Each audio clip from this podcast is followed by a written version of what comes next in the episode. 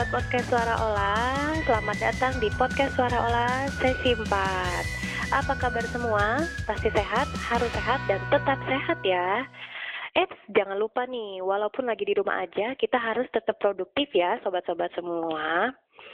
Nah, teman-teman masih inget dong, podcast Olah minggu lalu itu kolaborasi sama salah satu organisasi kepemudaan yang ada di Pulau Sulawesi. Ayo, sobat semua, sobat-sobat semua masih pada inget kan sama sama organisasi apa? Yap, sama Kak Akbar. Beliau adalah koordinator Provinsi Aliansi Remaja Independen Sulawesi Selatan. Nah, minggu ini Ola bakal kolaborasi sama komunitas yang ada di daerah mana lagi nih teman-teman. Ya, jadi minggu ini Ola bakal kolaborasi sama komunitas yang berada di pulau paling padat penduduknya. Pulau apa coba? Ada yang bisa nebak ke pulau apa? Ya, Pulau Jawa. Jadi Ola sekarang bakal collab sama teman Ola yang ada di daerah Bogor, Jawa Barat. Jadi beliau adalah Kak Rizky Cahyadi. Kesibukan Kak Rizky itu sekarang mengajar di salah satu sekolah dasar di Bogor. Dan beliau juga aktif banget nih di komunitas. Jadi kita bakal mengulik tentang komunitas-komunitas dari Kak Rizky yang punya hobi olahraga ini. Dan beliau ternyata banyak banget komunitasnya, tapi kita bakal ngambil salah satu aja komunitas yang memang beliau menjabat sebagai wakil ketua. Udah kepo teman-teman semua? Yuk kita sapa Kak Rizky. Halo Kak Rizky. Halo, halo. Halo, apa kabar Kak? Baik, baik. Alhamdulillah. Alhamdulillah. Gimana Kak di Bogor? Aman? PSBB ya? Aman. Aman. PSBB kan pembatasan berkendara aja, enggak enggak bukan pembatasan manusianya. Oh, Jadi gitu. aman. Alhamdulillah. Tapi gimana Kak COVID di situ? Tinggi? Enggak, di Kota Bogor tuh kurang lebih 60, tapi enggak meningkat sih untuk positif. Hanya ODP-nya aja kemarin di RSUD Kota Bogor sendiri yang ODP dinyatakan negatif semua. Oh. Jadi alhamdulillah. Alhamdulillah. Nah teman-teman, Ola sama uh, Kariski ini adalah salah satu purna dari kegiatan besar uh, pramuka gitu untuk penegak pandega gitu. Jadi kita sama-sama alumni Raimuna walaupun beda tahun ya Kak ya. Jadi Kak Hmm. Rizky alumni Raimuna Nasional tahun 2008 dan kalau Kak Ola sendiri itu purna Raimuna uh, Nasional 2012 dan 2017 gitu teman-teman. Jadi kita memang sama-sama di pramuka dulunya, tapi sekarang kita udah punya jalur masing-masing gitu. Tapi tetap tidak melupakan pramukanya kan kak? Iya, apalagi di dunia pendidikan kan pramuka itu bagian dari kehidupan. Benar Jadi banget. bisa dilepas. Benar banget. Nah jadi Kak Rizky ini memang concern banget di dunia pendidikan ya kak ya? Iya, udah hampir 9-10 tahun lah. Wih di 9-10 tahun concern untuk di, di pendidikan gitu ya? Iya, betul. Oke, nah Kak Rizky, sejak kapan nih Kak berdirinya komunitas Purna Bakti Mahardika nih Kak? Bisa dijelasin nggak terus asal usulnya sehingga terbentuknya komunitas nih gimana Kak? Iya, Pura Bakti Mardika itu dibentuk kurang lebih tahun 2002. 2002. Hmm. 2002. Awalannya adalah komunitas ini dibentuk karena eh, kita membuat komunitas disebut Forum Komunikasi OSIS Kota Bogor pada Mhm. tahun 2000, Hmm. tetapi lulusnya setelah itu disebut Purna tidak tahu ke mana. Hmm. Nah, maka dari itu para pendiri Forum Komunikasi OSIS Bogor yang setelah lulus sekolah membentuklah Purna. Nah, inilah Bakti Mahardika. Jadi isinya adalah awalannya teman-teman yang lulus sekolah. Hmm. Ya Berarti- yang belum eh, yang kuliah, yang kerja dan Hmm. semacamnya. Di situlah kita rekrut gabung sama seperti Forum Komunikasi OSIS. Hmm.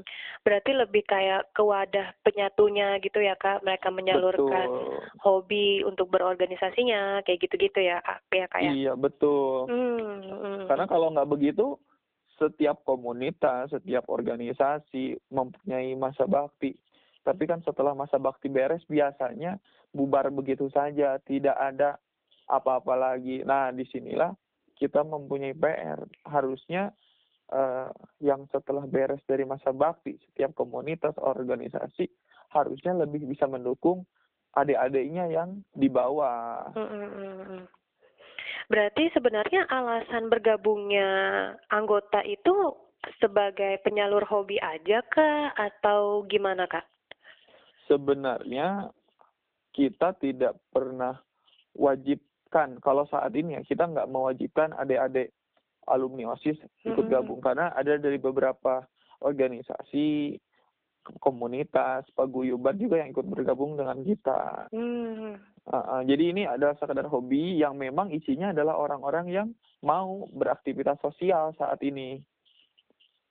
Oke okay, oke okay. berarti uh, apa namanya memang sekarang terfokusnya untuk di kegiatan sosial siapa pun itu gitu ya kak ya? Iya betul. Mm-mm. Kayak terakhir kemarin ada salah satu pedagang asongan mm. rumahnya rubuh kena bencana kita bantu kita bangunkan dari rubuh waktu itu 50% bangunannya kita bangunkan sampai layak huni lagi. Waduh, luar biasa. Padahal ini komunitas ya kak, maksudnya kita tahu iya. sendiri kalau komunitas itu kan base anggarannya memang gotong royong banget kan dari kita Betul. oleh kita dan untuk kita gitu kan untuk mengelolanya menjadi sesuatu iya. proyek yang berdampak lah bagi masyarakat gitu kan. Betul betul. Nah kalau jumlah anggota aktifnya dan gimana aja kak komunitas Purna Bakti Mahardika ini adanya? Kalau jumlah aktif jadi kalau kita runtutin dari tahun 2000 dari tahun 2000 atau 2002 mm -hmm. setiap alumni OSIS aja itu per tahunnya karena masa baktinya kan per tahun kalau OSIS ya mm -hmm. sampai saat ini atau dua tahun. Nah ini setiap angkatan aja bisa atau setiap tahun bisa menghasilkan minimal itu 50 anggota tapi kita tidak mewajibkan. Nah, untuk database sampai tahun 2019 kemarin, mm -hmm. data yang masuk itu kurang lebih anggota keseluruhan aktif tidak aktif ya karena kan kalau komunitas kita nggak bisa bicara semua aktif. Iya benar tapi yang yang yang terdata yang uh, ada database-nya itu kurang lebih hampir sekitar seribuan. Karena setiap tahun anggota kita terus bertambah. Hmm. jadi iya. hampir seribu seribuan orang lah. Oh gitu. Nah hmm, lebih tepatnya nih seribu tujuh ratusan. Nah. Seribu tujuh ratusan. Berarti iya. setiap setiap tahun itu bisa dikira-kira nggak kak berapa nih yang pasti daftar gitu? Maksudnya dilihat dari uh, apa namanya tahun-tahun sebelumnya gitu? Uh, kurang lebih per tahun itu biasanya kalau dulu itu patokannya adalah OSIS. OSIS itu kan dari SMP, SMA, SMK, madrasah aliyah, madrasah mm -hmm. uh, ini apa MTS. Nah, itu kurang lebih daftar 100 sampai 150 orang setelah lulus. Mm-hmm. Nah, jadi uh-huh. bisa dibayangkan sebenarnya kalau total-total dihitung hanya dari OSIS aja bisa sampai 2000 orang lebih. Tapi karena ini tidak diwajibkan, nah inilah yang membuat tadi saya bilang ada sekitar 1.700 anggota yang terdata. Hmm. Tapi kalau yang aktifnya sebenarnya nggak sampai segitu gitu ya kak ya? Yang aktifnya sekitar 2 sampai 300 orang aja karena memang punya kesibukan masing-masing kan. Terus juga kita kan anggota nggak hanya di wilayah Jawa Barat aja, ada yang memang sudah kembali ke daerah asalnya, yang dulu hmm.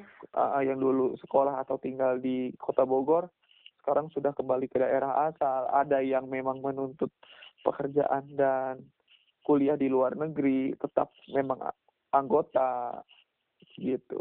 Waduh, luar biasa loh. Tapi kak, kalau misalnya uh, komunitas itu punya member aktif itu sekitar 200 sampai 300an orang, karena memang iya. itu maksudnya kalau yang olah selama ini pelajari ya, bahkan olah juga ikut hmm. komunitas itu, ya paling 200 atau 300 itu adalah jumlah member gitu, aktif dan iya. aktifnya. Nah dan yang aktif berarti lebih dikit dari itu kan? Betul. Hebat banget. Berarti memang ya visi misinya udah sama banget ya mungkin yang 200 300 itu. Jadi mereka tetap bisa uh, produktif di pro komunitas padahal mereka juga sudah Iya. punya pekerjaan atau kesibukan yang lainnya gitu. betul Nah, berarti komunitas Purna Bakti Mahardika ini cuma ada di Bogor, Kak? Atau ada Kalau- rencana untuk memperlebar sayapnya? Kalau home base-nya ada di Bogor. Oh, nah home base-nya. uh, baru dua tahun lalu apa tahun lalu begitu. Jadi forum forum osis itu dibentuk di tingkat Jawa Barat. Nanti kita akan coba koordinasi karena tetap kita harus berkoordinasi dulu untuk Hmm, merekrut hmm, hmm, anggotanya. Awalnya itu kan diawali sama osis. Mm-mm. Jadi ada sekarang kan ada forum komunikasi OSIS Jawa Barat yang dipimpin sama anak SMA Dari wilayah di Jawa Barat. Nanti kita akan coba koordinasi dengan uh, Dinas Pendidikan dan Budaya di Jawa Barat. Bagaimana biar nanti mereka semua tetap kerangkul. Kalau memang ini bisa terwujud, insya Allah uh, kita coba untuk ke tingkat yang lebih tinggi. Karena bisa terbayang saja di, untuk home base-nya Kota Bogor aja masyarakat ini isinya sudah segini. Apalagi kalau kita luaskan. gitu. Mm, mm, mm. Berarti anggapannya kalau yang formal atau di sekolah itu sih forum komunikasi OSIS-nya gitu ya Kak. Tapi Iya, kalau yang betul. non formalnya itu adalah komunitas Purna Bakti Mahardika ini gitu Iya. kan. Iya ya benar-benar karena ya kalau komunitas kita lebih bebas mengekspresikan gitu kan Kak ya. iya, kalau formal ada kalau formal batasan kan. Ah, ah, kalau formal kan lebih ya mungkin mengikuti Terpatok. aturan yang ada, Mm-mm. benar banget. Iya ya berarti memang mengikuti ya Kak. Berarti forum komunikasi OSIS ini memang baru ada di Jawa Barat sama di Bogor aja ya Kak. Maksudnya kalau di eh, pulau lain di Indonesia itu memang belum ada atau memang Kak. gimana Kak? Kayaknya sih belum saya sendiri belum pernah mendengar ya kalau untuk di luar Jawa Barat. Hmm. Mungkin ada, mungkin tidak, tapi tidak terekspos karena kalau kita sih memang punya sejarah dari zaman dulu Mhm. setiap di tahun politik saja forum OSIS baik eh, OSISnya atau kami yang sudah dia yang Purna Bakti Mardika itu ikut membantu eh, KPU.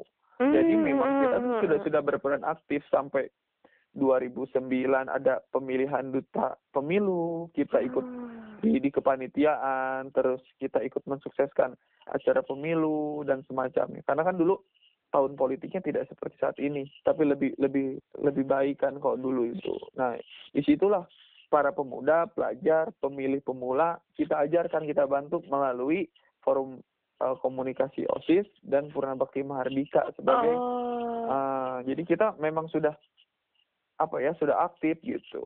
Hmm, berarti eh, sudah bekerja sama atau ada MOU juga dengan pemerintah setempat, jadinya Iya, turunannya betul. jelas ya kak, tujuannya Betul. jelas gitu dan kerjasama juga memberikan masukan kegiatan juga untuk si forum komunitas osis ini ya yang berlaku ke sekolahnya Iya. langsung, maksudnya tepat sasarannya gitu ya kak ya. Iya.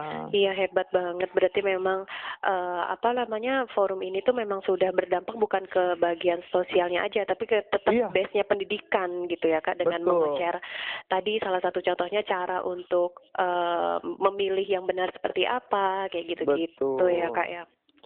Karena memang pendirinya itu saat ini adalah mungkin posisi saat ini ya. Kalau Hmm. dulu kan sa- beliau di dinas pendidikan dulu pendiri uh, forum ini. Hmm. Sekarang tuh beliau posisinya adalah sekretaris daerah Kota Bogor. Jadi memang powernya kita, ah, ah, jadi kita power lebih kuat. Jadi kegiatan sosial juga lebih kuat. Mm, mm, mm, Karena memang pendiri pun sampai saat ini setelah uh, hampir 20 tahun mm, mm, mm. tetap tetap mensupport.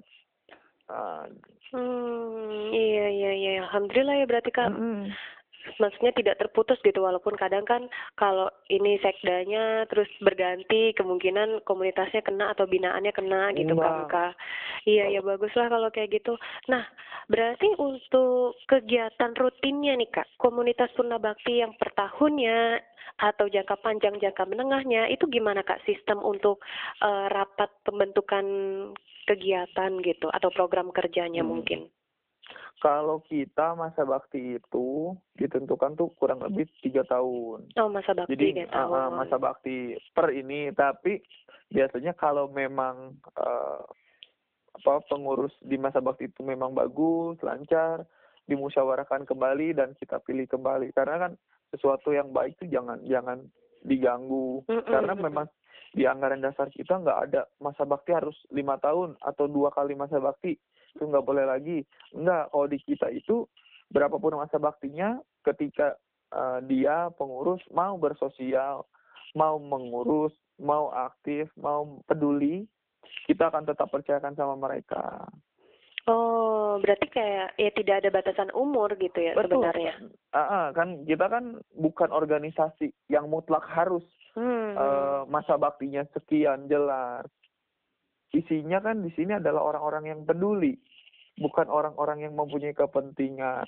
Jadi makanya organisasi ini, komunitas ini tetap bertahan sampai saat ini karena Hmm. tidak terpatoknya aturan baku yang menyulitkan gitu. Hmm, hmm, hmm. Berarti forum tertingginya musyawarah ya, Kak ya. Berarti Musyawarah. eh, musyawarah itu diadakan setiap tiga tahun sekali untuk pemilihan pengurus. Betul. Pengurus di sini itu maksudnya berarti kayak ketua, wakil, sekretaris, bendahara gitu ya. Iya.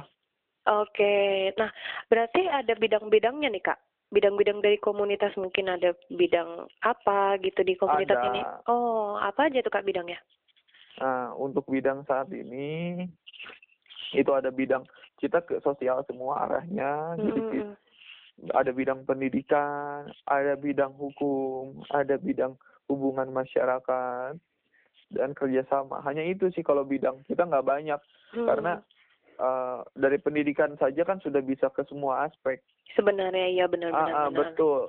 Jadi kadang komunitas itu kan mempersulit, wah harus banyak bidang karena banyak orang yang mencari kepentingan.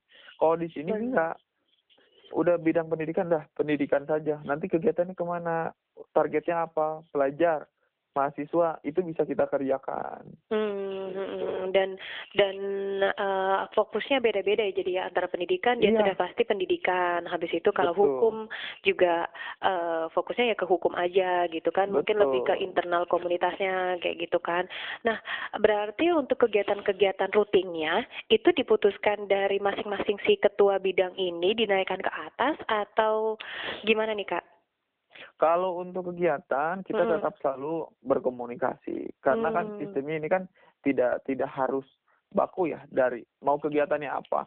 Misalkan dari ketua bidang, kalau ketua bidang yang menurut itu itu penting untuk kita lakukan, kita akan lakukan. Untuk Hmm. program kerja yang penting kita ketika ada eh, kegiatan sosial itu tetap harus berlangsung.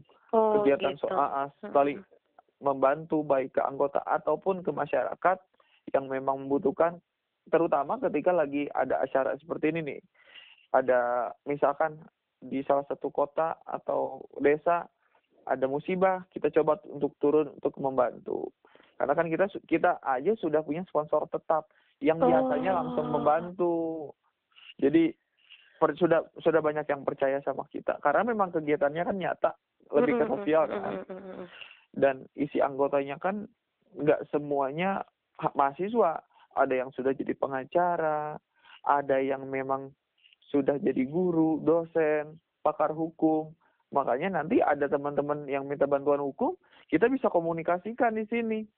Hmm. itu jadi bisa saling tolong menolong Iya, iya, di iya, sinilah iya, iya. fungsi dari komunitas Benar banget, komunitas itu sebagai wadah penggerak gitu ya. Jadi Iya. atau menjembatani kebutuhan dari teman-teman kita disatukan di dalam satu wadah mangkuk ini gitu kan anggapannya Hmm, komunitas itu kayak betul. mangkuk ya, bukan kayak payung gitu kan. ah Oh gitu kok, iya iya iya. Nah untuk pengurusnya sendiri nih kak dari masa, nah kalau Kak Rizky ini menjabat jadi wakil itu dari tahun berapa sampai berapa? Dan pengurusnya itu yang menjabat Ah. itu ada berapa kak sekarang? kalau yang menjabat sekarang kurang lebih ada 10 Oh sepuluh. heeh. 10. Nah, ini kalau saya sendiri dari 2017. 2017. Ah, ah. Itu langsung jadi wakil ketua kak? kalau ikut gabungnya dari 2009 ikut gabung. Mm-mm, mm-mm. Jadi selama perjalanan itu masih anggota. Mm-mm. Ah, baru di 2016-17 kurang lebih itu kita bikin musyawarah kecil Mm-mm. karena memang yang hadir juga nggak se- sebagian kota dan memang harus dibutuhkan pengurus baru Mm-mm. akhirnya terbentuk saat itu Oke baru sampai, kakak. heeh. Jadi Itu sudah hampir empat tahun lah ya. berarti hampir dua periode ya kak kalau kita Iya. buatkan tadi tiga. Kalau kalau adanya disebut masa bakti lah ya. Mm. Tapi kan ini kan yang tadi saya bilang bahwa masa bakti itu adalah formalitas kalau di sebuah komunitas. Iya benar. Selama yang bersangkutan masih bisa Betul. untuk mengabdi lah anggapannya ya nggak masalah gitu Nggak kan kak masalah, sebenarnya. betul. Oke, nah berarti sebenarnya tidak ada kriteria khusus ya kak kalau kita mau gabung di Purna Bakti Mahardika ini. Enggak, yang jelas kita merekrut itu bahasanya sih sebenarnya bukan merekrut. Silakan yang mau ikut bergabung bersama kami. Yang jelas harus punya jiwa sosial yang tinggi. Itu yang iya, utama. benar-benar Karena kalau siapa pun yang ikut dalam organisasi nggak punya nggak punya jiwa sosial yang tinggi, biasanya hanya satu dua kali pertemuan itu udah hilang Iya. orangnya. Ah, ah, rasa jenuh, rasa bosan itu datang. Jangankan untuk satu tahun atau satu masa bakti. Satu kali hadir pun ketika dia sudah nggak nyaman, nggak punya jiwa untuk berkomunitas, berorganisasi, itu akan hilang pada sendirinya. Iya, sistem apa ya? Ya,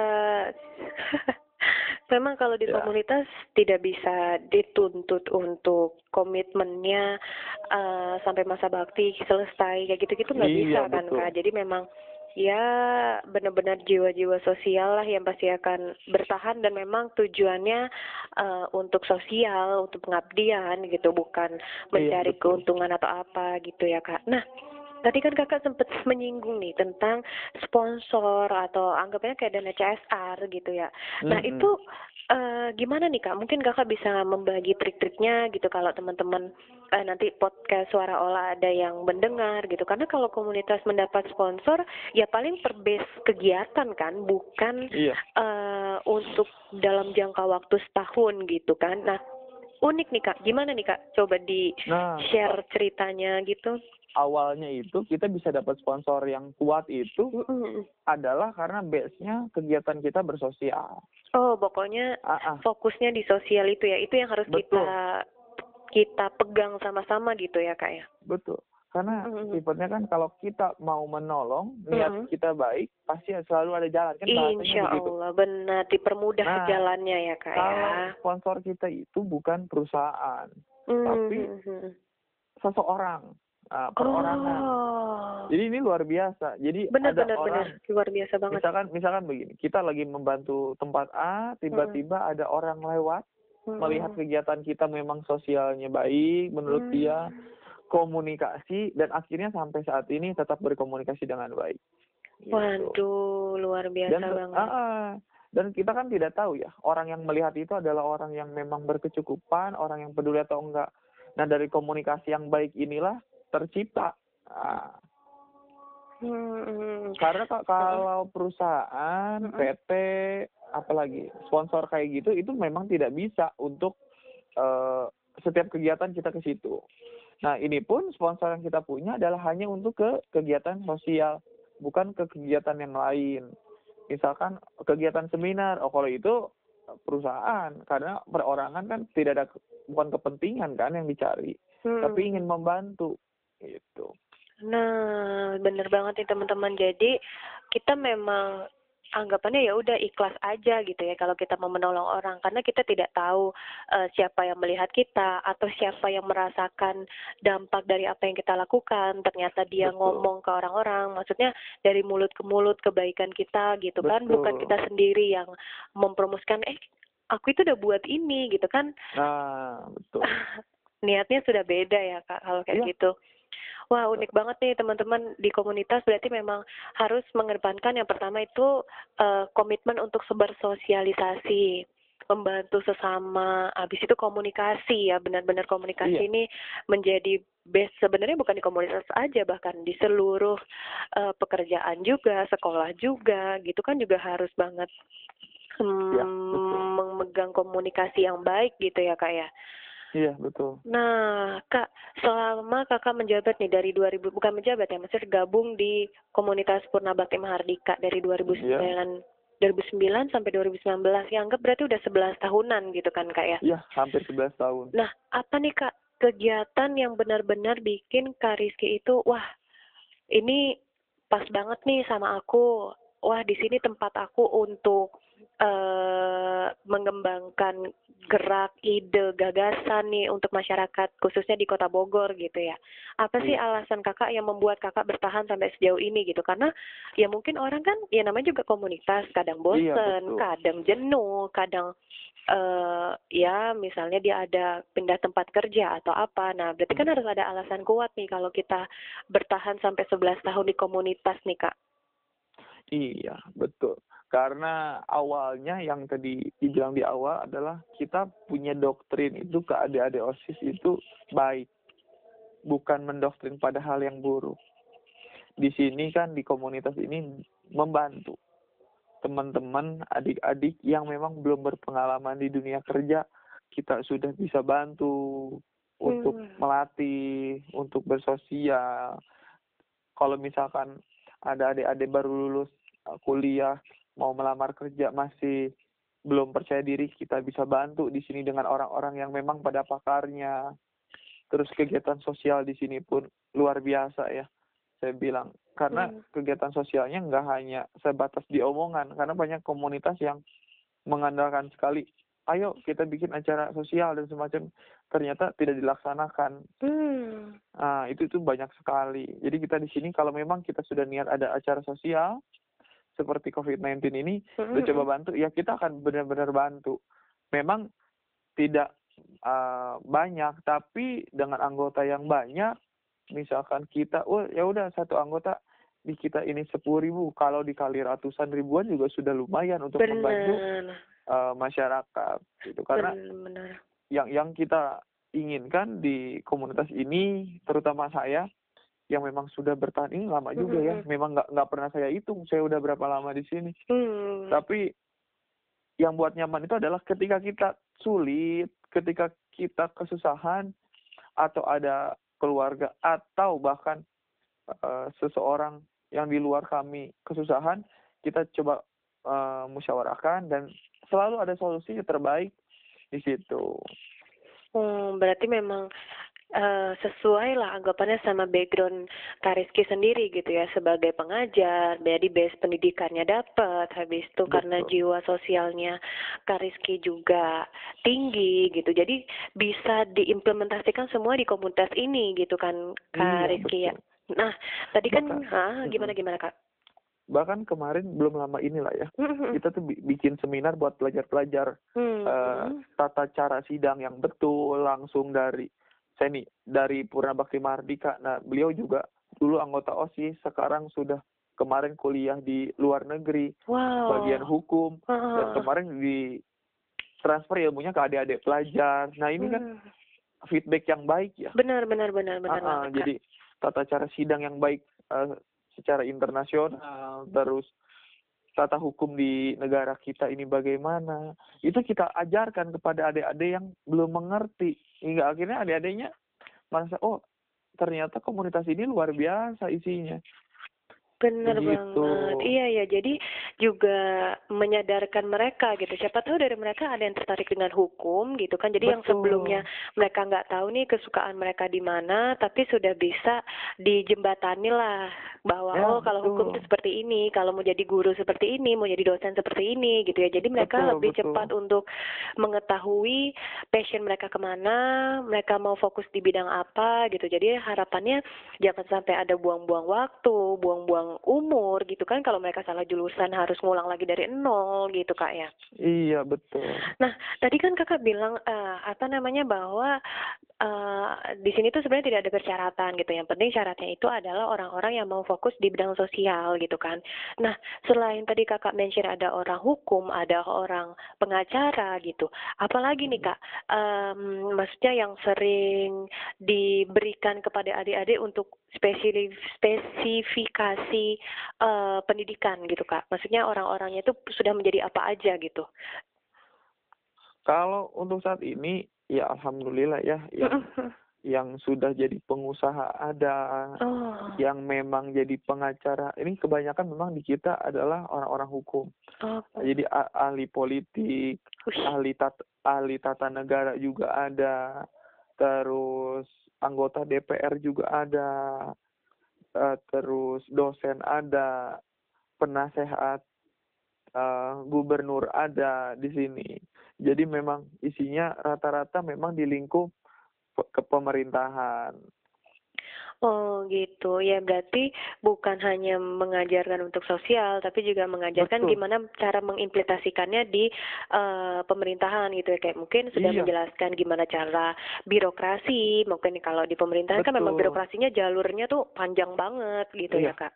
Dan wah lumayan berarti kalau sampai anggota DPR itu masih di tengah kesibukannya beliau yang sangat padat itu masih, masih bisa peduli. iya hmm. benar banget untuk membangun kota Bogor gitu ya kayak ya. nah Oke nih Kak Rizky, dari tadi kan kita cerita tentang uh, gimana sih baiknya uh, si komunitas Purna Bakti Mahardika ini. Tapi kan namanya uh, namanya juga komunitas itu kan pasti ada hal-hal yang uh, bermasalah atau membuat kita kesel gitu kan, membuat kita kok kayak gini sih kan harusnya nggak kayak gini. Nah itu kan pasti pernah banget Kak Rizky rasakan pasti, gitu ya. kan. Nah hmm. di share dong Kak uh, permasalahan apa atau pernah ada keluh kesah apa yang Kariski rasakan, tapi gimana caranya Kariski untuk uh, oke okay, menghilangkan masalah itu dan saya harus tetap konsisten di uh, komunitas Purnabakti Mahardika nih Kak. Sebenarnya gini, itu kan bagian dari dinamika. Iya, benar banget sama, dinamika. Sama seperti kehidupan. Oh, ada kalanya dalam nih Uh, uh, jadi ada, ada kalanya kita jenuh, ada kalanya kita bosan.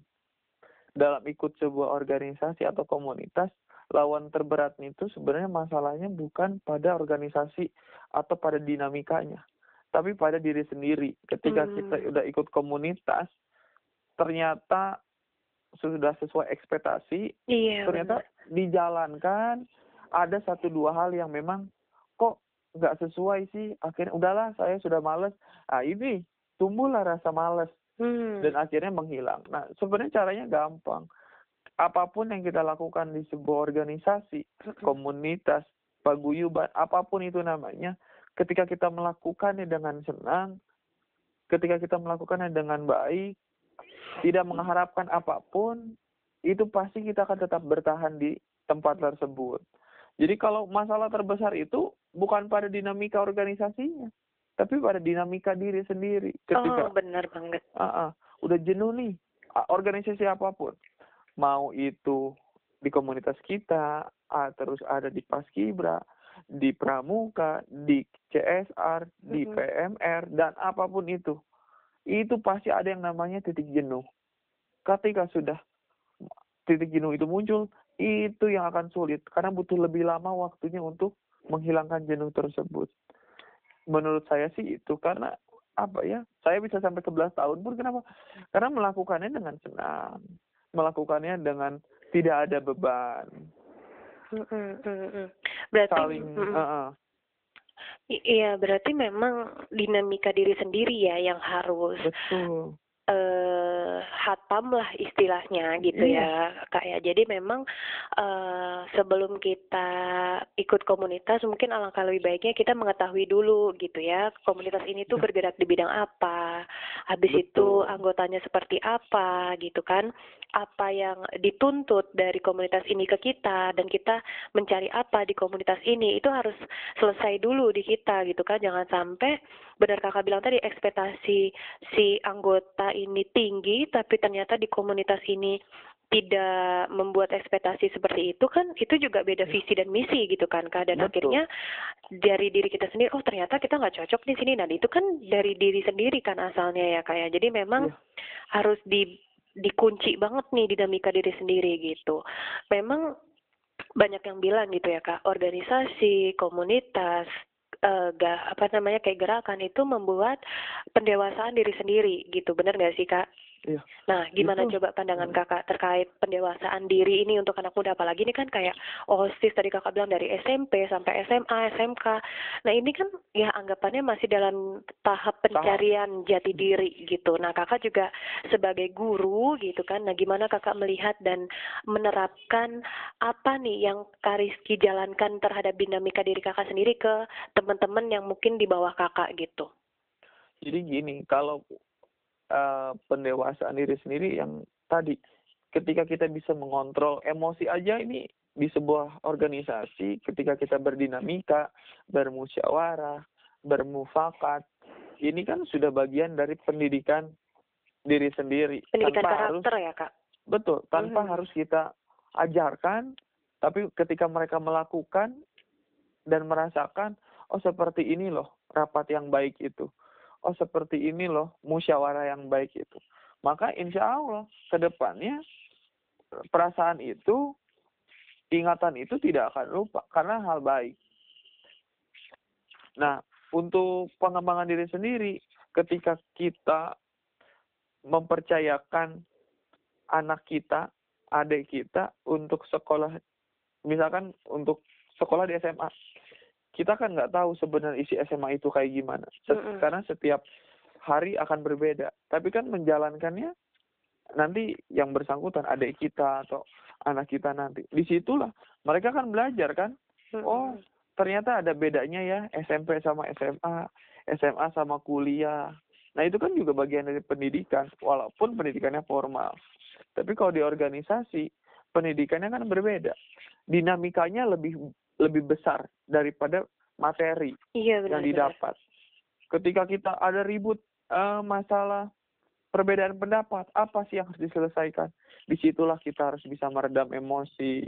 Nanti adik-adik diajarkan harus bisa mengontrol jalannya eh, arah pembicaraan agar semuanya masalah selesai. Itu kan di situ.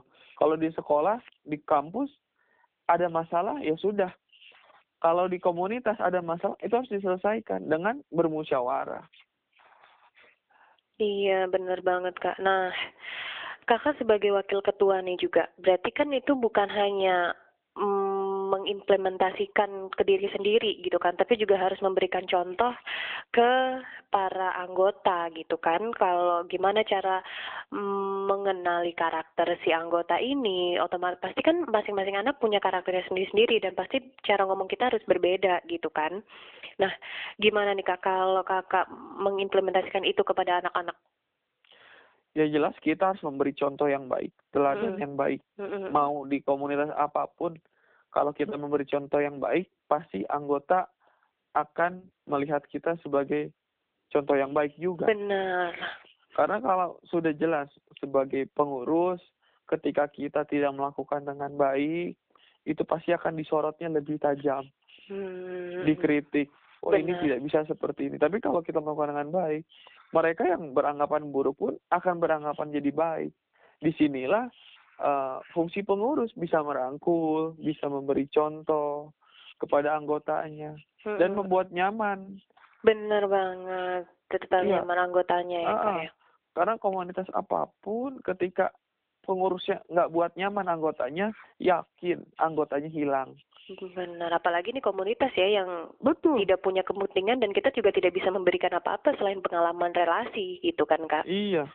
Nah, berarti ini harus harus benar-benar dipahami dulu sama teman-teman eh, yang akan mencalonkan diri sebagai ketua, wakil, pimpinan atau pengurus dalam satu organisasi atau komunitas gitu bahwa untuk menjadi pemimpin, pengurus itu tidak serta merta hanya mengincar jabatan gitu, tapi kita harus benar-benar berkaca gitu untuk diri kita sendiri. Apa kita sudah eh, bisa mengontrol emosi kita, apa kita sudah bisa menyelesaikan masalah dengan baik dan benar, apa kita sudah bisa menyampaikan ide atau konsep kita kepada teman-teman dengan cara yang baik agar tidak terkesan menyuruh atau menggurui gitu kan Kak ya.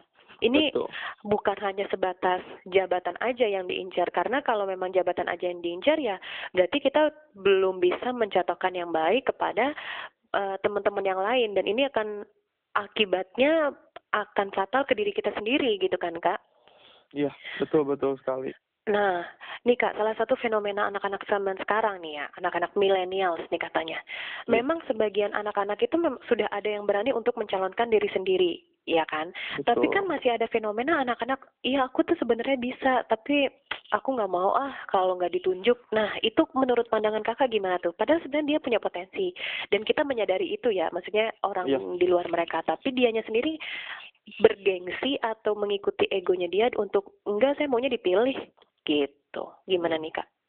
Kalau itu sebenarnya kan masalahnya ada di dinamika diri sendiri. Benar, balik lagi ya kak ya. Iya, balik lagi karena gini, orang yang mau sukses adalah orang yang percaya diri, orang Hmm. yang mau berkembang. Betul. Ketika kita melihat teman berkembang dengan sendirinya, terus satu sisi ada temannya yang mempunyai kemampuan lebih tapi tidak mau. Kan kasusnya di situ. Mm-mm. Setelah melihat lingkungan, malah rasa percaya dirinya hilang. Walaupun punya kemampuan, tapi kalau rasa percaya dirinya hilang, itu sudah kemampuan pun tidak ada. Kenapa? Karena dalam setiap masalah, percaya diri itu yang utama dulu. Sudah percaya diri, pasti hal yang tidak bisa pun akan dicoba. Ketika gagal, akan dicoba lagi. Akhirnya bisa. Iya, benar banget. Jadi harus eh, apa namanya yakin gitu ya kak kalau bisa Betul. berkembang, m- mengembangkan gitu ya percaya diri. Habis itu, nah berarti kan memang eh, untuk orang-orang sebenarnya yang merasa punya kemampuan, berasa mau berkembang, intinya mau berkembang, terus percaya diri yang tadi Kak Rizky bilang sama satu lagi berani mengambil resiko gitu ya kak karena kalau kita kan nggak tahu nih resiko yang ke depan bakal kita ambil itu berbuah baik atau berbuah kurang baik gitu kan tapi Iya, kalau kita tidak mencoba ya kita tidak tahu gitu kan Iya. eh apa namanya ini bakal berhasil atau tidak kayak gitu Betul. nah itu teman-teman jadi sobat-sobat podcast suara olah tuh harus benar-benar deh eh berani dulu gitu percuma kalau kita punya ide kita pintar tapi untuk mengimplementasikannya itu kurang juga percuma gitu kan kak ya karena akhirnya Betul. bakal jadi di otak doang gitu kan Ibaratin gini, eh Kak Ola tahu nggak rasa gula itu apa? hmm, manis Manis. Tapi kan manis di gula itu ada berbagai rasa. Mm-mm. Nah, ada yang memang manisnya kuat, ada yang memang manisnya flat, ada yang manisnya agak sedikit pahit. Kan sama seperti kita ikut komunitas. Belum dicoba, udah bilang rasanya, wah ini cocok. Ah, ini ini garis kecilnya adalah ketika kita ikut komunitas, mengembangkan percaya diri, jangan dulu mengharapkan kita ini akan mendapatkan sesuatu yang kita inginkan. Hmm, Tapi kita lakukan dulu dengan sebaik mungkin, bener, kemampuan, uh, kepercayaan diri itu akan meningkat dengan sendirinya. Itu sudah pasti hukum alamnya seperti bener, itu. banget Hasilnya mau baik atau buruk tergantung kita menjalani setiap nah uh, apa ya namanya dinamika di sebuah kehidupan. Iya, iya, iya, iya, bener banget, Kak. Ya sama aja kayak kalau kita menghormati, kalau kita mau dihormati, ya hormati dulu orang lain gitu kan. Jadi memang Betul. semua harus dimulai dari diri sendiri dulu, teman-teman semua, kayak gitu. Nah, Kak Rizky, kira-kira apa nih kegiatan yang masih yang ingin dilakukan tapi belum terwujud sampai sekarang nih, Kak? Kita uh, bikin uh, kita sih pengennya gini karena memang kegiatan basically-nya adalah di dunia sosial Mm-mm, terus memang awalan perekrutan adalah di pendidikan mm-mm. kita sih coba pengen bikin sebuah yayasan yang memang sifatnya adalah sosial dan ingin bisa mendidik adik-adik anak-anak yang memang tidak berkecukupan. Oh. Uh-uh.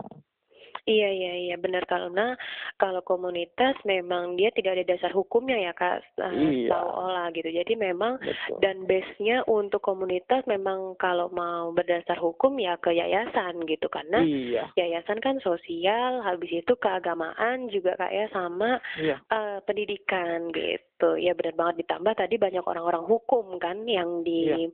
Eh, komunitas Purna Bakti Mahardika ini kayak gitu. Nah, kenapa nggak kepikiran mau bikin buku gitu kak atau jurnal yang pasti dipakai sama anak-anak eh, pelajar gitu? Kalau jurnal sih kita sudah sudah ada. Oh, memang sudah ada. memang ti- ti- tidak disebarkan ke luar, hanya untuk ke anggota Oh. aja. Mm, mm, Karena itu biasanya kita pakai sebagai referensi buat berdinamika ke depannya. Terus uh, di jurnal itu juga kan ada sejarah kita. Karena apa pun namanya, ketika kita ngelupain sejarah juga kan nggak baik. Iya Siapa benar. pendirinya.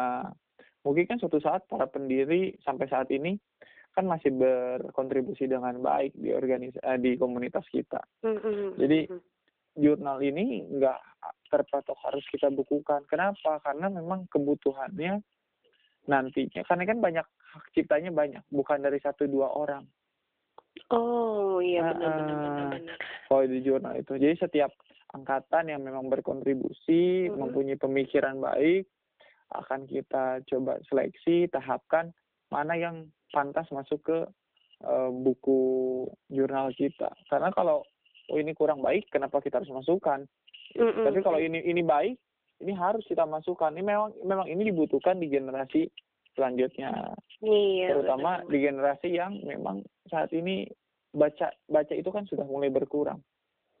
Hmm, Ah, iya itu harus, harus diakuin.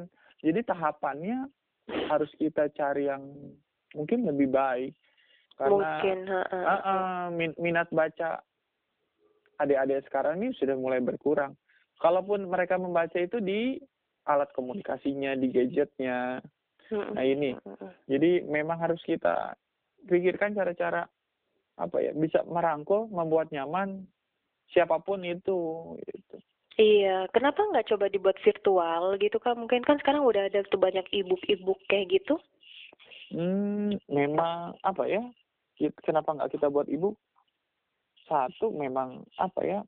Ya ini yang tadi dibilang minat bacanya kurang. Kita pernah coba sosialisasiin, Oh. ternyata kurang minat baca atau jadi Hmm. kurang minat. Ya udahlah, untuk sementara kita keep sampai memang suatu saat ada di angkatan selanjutnya yang memang membutuhkan buku ini. Silakan mau diapain kan hanya tinggal disalin aja Mm-mm. dibentuk PDF kan sekarang mudah ya Iya. nggak nggak sesulit zaman dulu harus di scan sekarang kan tinggal difoto pakai handphone udah jadi PDF Iya sudah benar sudah benar. sudah mudah lah Mm-mm, mm-mm. Iya sih, karena memang gimana ya Kak, anak-anak zaman sekarang itu dia punya karakteristiknya berbeda dengan yang iya tahun 90-an gitu ya. Iya, yang betul. memang buku-buku itu maksudnya masih pedoman kita gitu kayak buku itu ada Betul. jendela dunia gitu kan. kalau kalau sekarang sekarang handphone. ah, ah. kalau sekarang aja mendekatkan anak lah ya. Anak pelajar SMA bahkan anak kuliahan aja. Kalau kita chattingan pasti mereka kadang ada bete ada jenuh terus kesel. Tapi kalau kita coba deketin dengan hobinya misalkan Hmm, hobi anak tersebut anak SMA SMP itu main game kita ikutin. Selaku pembimbing kita ikut main game. Di situlah kita sambil ngobrol. Karena pendekatan itu kan lebih dekat di situ jadi Iya. kita kita tahu sifat anaknya, kita tahu sifat adik-adik kita.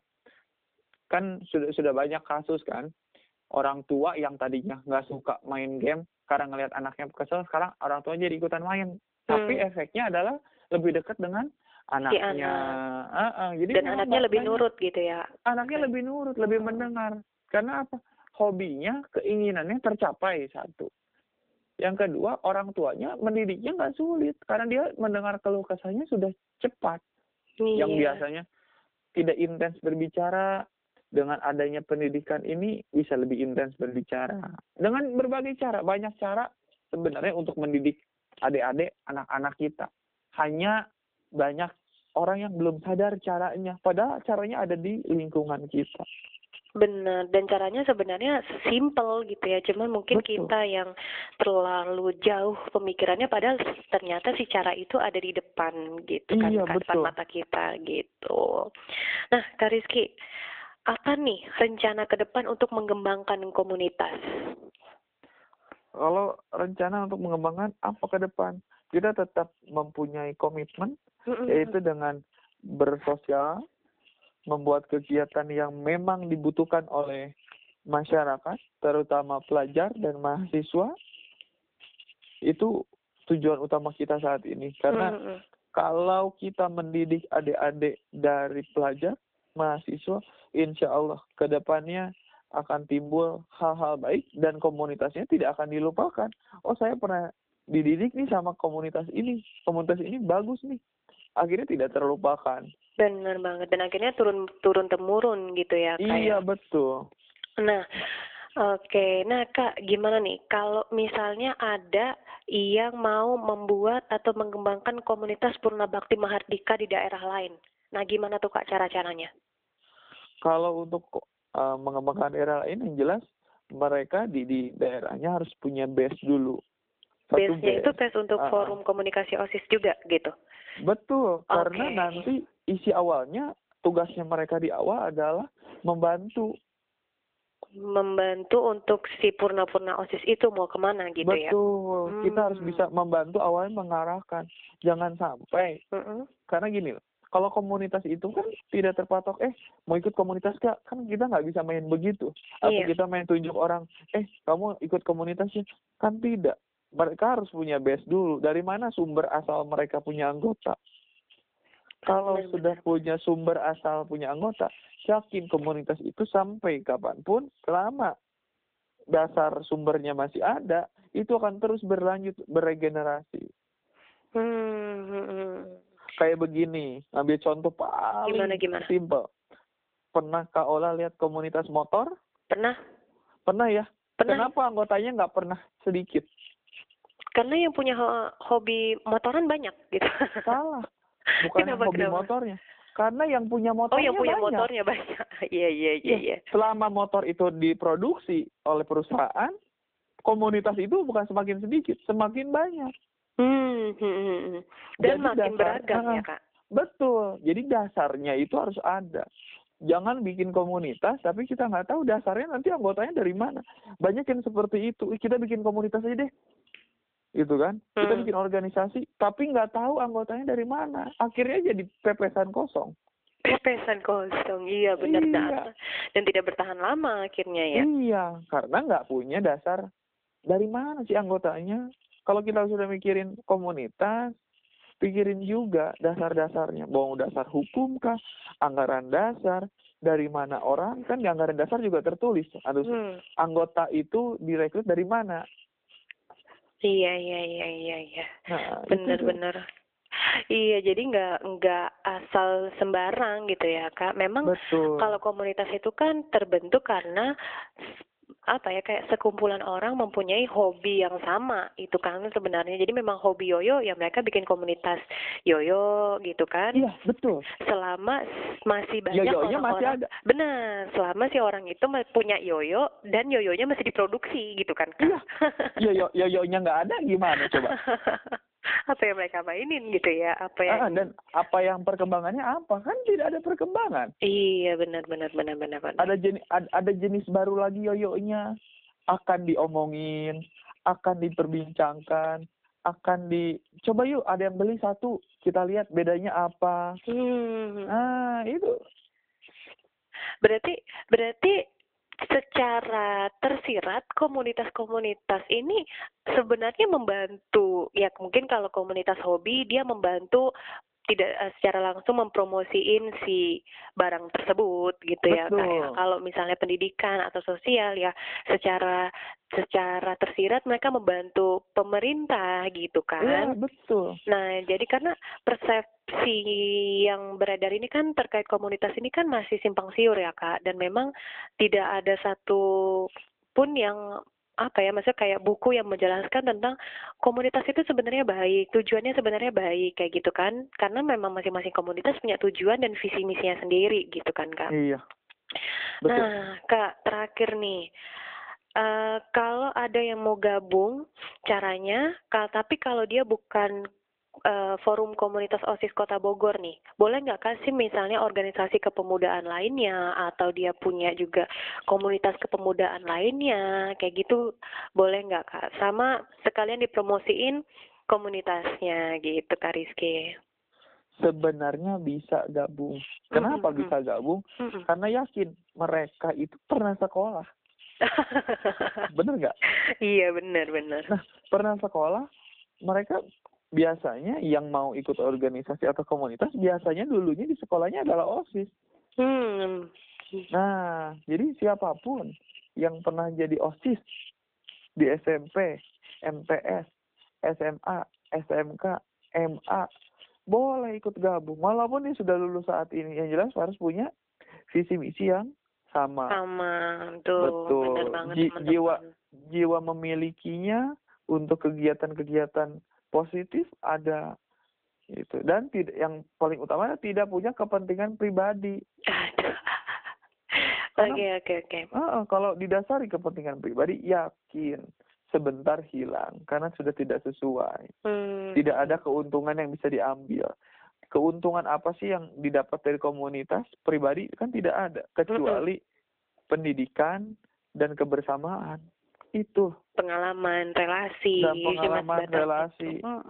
Itu yang tadi bilang Kak Ola, kita itu ap- terutama organisasi yang ini ya komunitas kita ini Hmm. adalah kita ini mencoba membantu pemerintah dalam segi apa pun yang kita bisa bantu. Pendidikan kita ada dari segi hukum ke masyarakat kita ada ya Mm-mm. eh, segi tolong menolong untuk bantuan gotong kita royong ada iya gotong royong ada. Keagamaan pun ada. Hmm, jadi hmm, hmm. bagian dari pendidikan. Jadi iya kita kita ambil memang secara global. Pendidikan itu ada keagamaan karakter dan segala macam. Semua ada orang paskibra ada orang PMR ada orang pramuka di situ ada. Jadi ketika oh ini dibutuhkan nih tapi anak-anaknya pramuka bisa? Bisa. Oh ini kegiatannya ada kesehatan anak PMI yang mana bisa kita turunkan begitu Iya, iya, iya, iya, benar banget tuh teman-teman. Jadi memang bisa aja untuk gabung ke sini dan kalau memang kita mau belajar organisasi, cobalah organisasi dari base paling kecil dulu di mana kita sekolah yaitu OSIS gitu atau PMR, betul Pramuka, Paskibra kayak gitu ya Kak ya. Iya Nah, betul betul sekali Cara gabungnya gimana nih Kak? Atau mungkin ngisi form atau memang nanti ada interviewnya gimana nih Kak? Nah, eh, kita sih ada formulirnya ya, ada Google Nah, Formnya. setiap kapan dulu Kak? Setiap kapan pembukaannya? Habis itu nanti cara-caranya untuk gabung gimana gitu? Kalau kita sih biasanya per tahun ya. Jadi Mm-mm. kita patok ini adalah di Musyawarah OSIS Kota Bogor. Jadi setelah Mm, Musyawarah OSIS mm, Kota mm. Bogor, kita kasih link Google Formnya. Nanti silakan di, disebarkan. Karena eh, untuk perekrutan kan kita nggak bisa, oh bulan ini ngerekrut segini. Kita kan bukan bukan target di anggota ya, karena anggota juga sudah banyak sekali. Mm-mm. Tapi yang di luar yang memang mau berkontribusi ya silakan. Tapi kita biasanya untuk di tiap tahun baru tiga bulan lalu musyawarah osis di kota Bogor kita kasih tahu kita kasih arahan tentang komunitas ini kita kasih arahan juga tentang cara ikut gabung dan tidak mewajibkan. Nanti teman-temannya yang mau ikut silakan ikut gitu. Jadi memang kita nggak nggak ini nggak terpatok. Silakan yang mau gabung biasanya kita di eh, semester satu per, eh, akhir akhir semester satu. Oke. Nah, antara November Desember di musyawarah itu. Jadi di bulan-bulan itu biasanya kita open recruitment yang jelas tapi harus kita tanya dulu bener nggak orangnya mana jangan sampai ikut komunitas isi Google Form tapi tanpa orang akhirnya database database aja Bener banget. Nah, jadi teman-teman eh, sebenarnya masih masih bisa banget untuk ikut dan terbuka secara umum gitu ya kak ya. Iya. Tidak ada patokan umur juga. Yang penting nggak ada benar banget base-nya adalah pernah mengikuti organisasi minimal OSIS gitu ya kak ya. iya Nah, Kalau mau kepoin IG-nya komunitas Purna Bakti Mahardika nih apakah bisa di-share? Kalau terus IG-nya Kak Rizky juga bisa di-share? kalau karena ini kita itu tidak tidak eh, pakai IG Hmm, hmm, hmm, hmm, hmm. Hmm, karena memang sifatnya kita nih eh, apa ya komunitas yang nggak nggak mau terlalu mencolok Hmm. tapi kita berkontribusi dengan baik bukti nyata gitu. gitu ya kak ya. betul bukti nyata kita ini karena banyak yang apa jadinya eh melakukan hal sedikit kecil di up akhirnya oh organisasinya bagus pas orang masuk ke dalam ternyata tidak sesuai ekspektasi Iya. jadi kita iya. cukup melakukan dengan hal baik kita mencoba mensosialisasikannya dengan eh, langsung kegiatannya langsung tanpa publish memang kita kadang dipublish tapi tidak dipublish melalui akun uh, official Satu. langsung. Oh, oke. Uh, oke, jadi kita pakai langsung aja, oh akun ketua aja, akun sekretaris atau yang lain yang mau upload silakan bebas. Mm, mm, mm. Itu. Oke deh, terima kasih Kak Rizky untuk waktu satu jamnya. Nah, terakhir nih Kak, closing statement atau pesan pesan-pesan Kakak untuk sobat podcast Suara Ola nih Kak. Iya, Silakan. untuk podcast Suara Ola tetap berkontribusi dengan baik, baik itu ke pemerintah, baik itu ke komunitasnya, baik itu ke organisasinya, karena yakin kalian ikut itu tidak akan sia-sia. Hal yang didapat sekecil apa pun itu insya Allah akan berguna di kemudian hari. Karena kalau penyesalan datang di akhir, maka sama dengan ilmu. Ilmu itu tidak datang di awal, tapi akan Hmm. terasa di akhir. Mungkin itu. Siap, quotes hari ini gitu ya. Iya. Tapi ngomong-ngomongin quotes, Allah juga punya quotes nih Kak. Simple. Oh, Kebaikan itu seperti bumi yang berputar. Jadi, kalau kita melakukan kebaikan kepada orang lain, itu artinya kita melakukan kebaikan untuk diri kita sendiri. Gitu, teman-teman. Terima kasih banyak Kak Rizky sudah mau direpotkan di jam-jam eh, siangnya gitu ya. iya. Puasanya lancar kan, Kak? Baru dua hari. baru dua Alhamdulillah. hari. Masih lama Alhamdulillah. Iya, masih 28 hari lagi ya menuju Iya. lebaran. dan nggak bisa mudik juga ya. Aduh, iya, bener banget, nggak apa-apa. Berarti kan punya punya cerita tersendiri lagi kan nanti kalau kita ambil Iya. hikmahnya gitu kan, Kak. Betul. Siap. Terima kasih Kak Rizky. Terima kasih untuk sobat-sobat podcast Suara Olah juga yang sudah mendengarkan. Nanti kita bakal ketemu lagi, bakal bincang-bincang lagi sama Kak Rizky karena Kak Rizky itu ternyata aktif banget bukan hanya di satu komunitas, tapi ada beberapa komunitas lainnya. Gimana Kak Rizky? Iya. Nanti kita eh, olah gangguin lagi nggak apa-apa ya Kak ya? Nggak apa-apa, silakan, silakan. Sholat.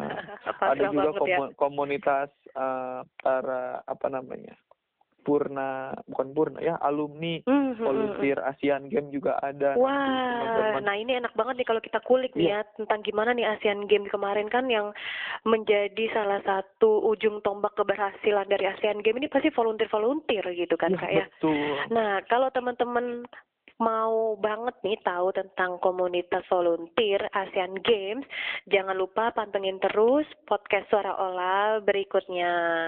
Oke Kak Rizky, terima kasih. Semoga kita bisa ketemu eh, apa namanya di podcast-podcast selanjutnya lancar untuk puasanya hari ini. Ya, terima kasih. Terima kasih teman-teman.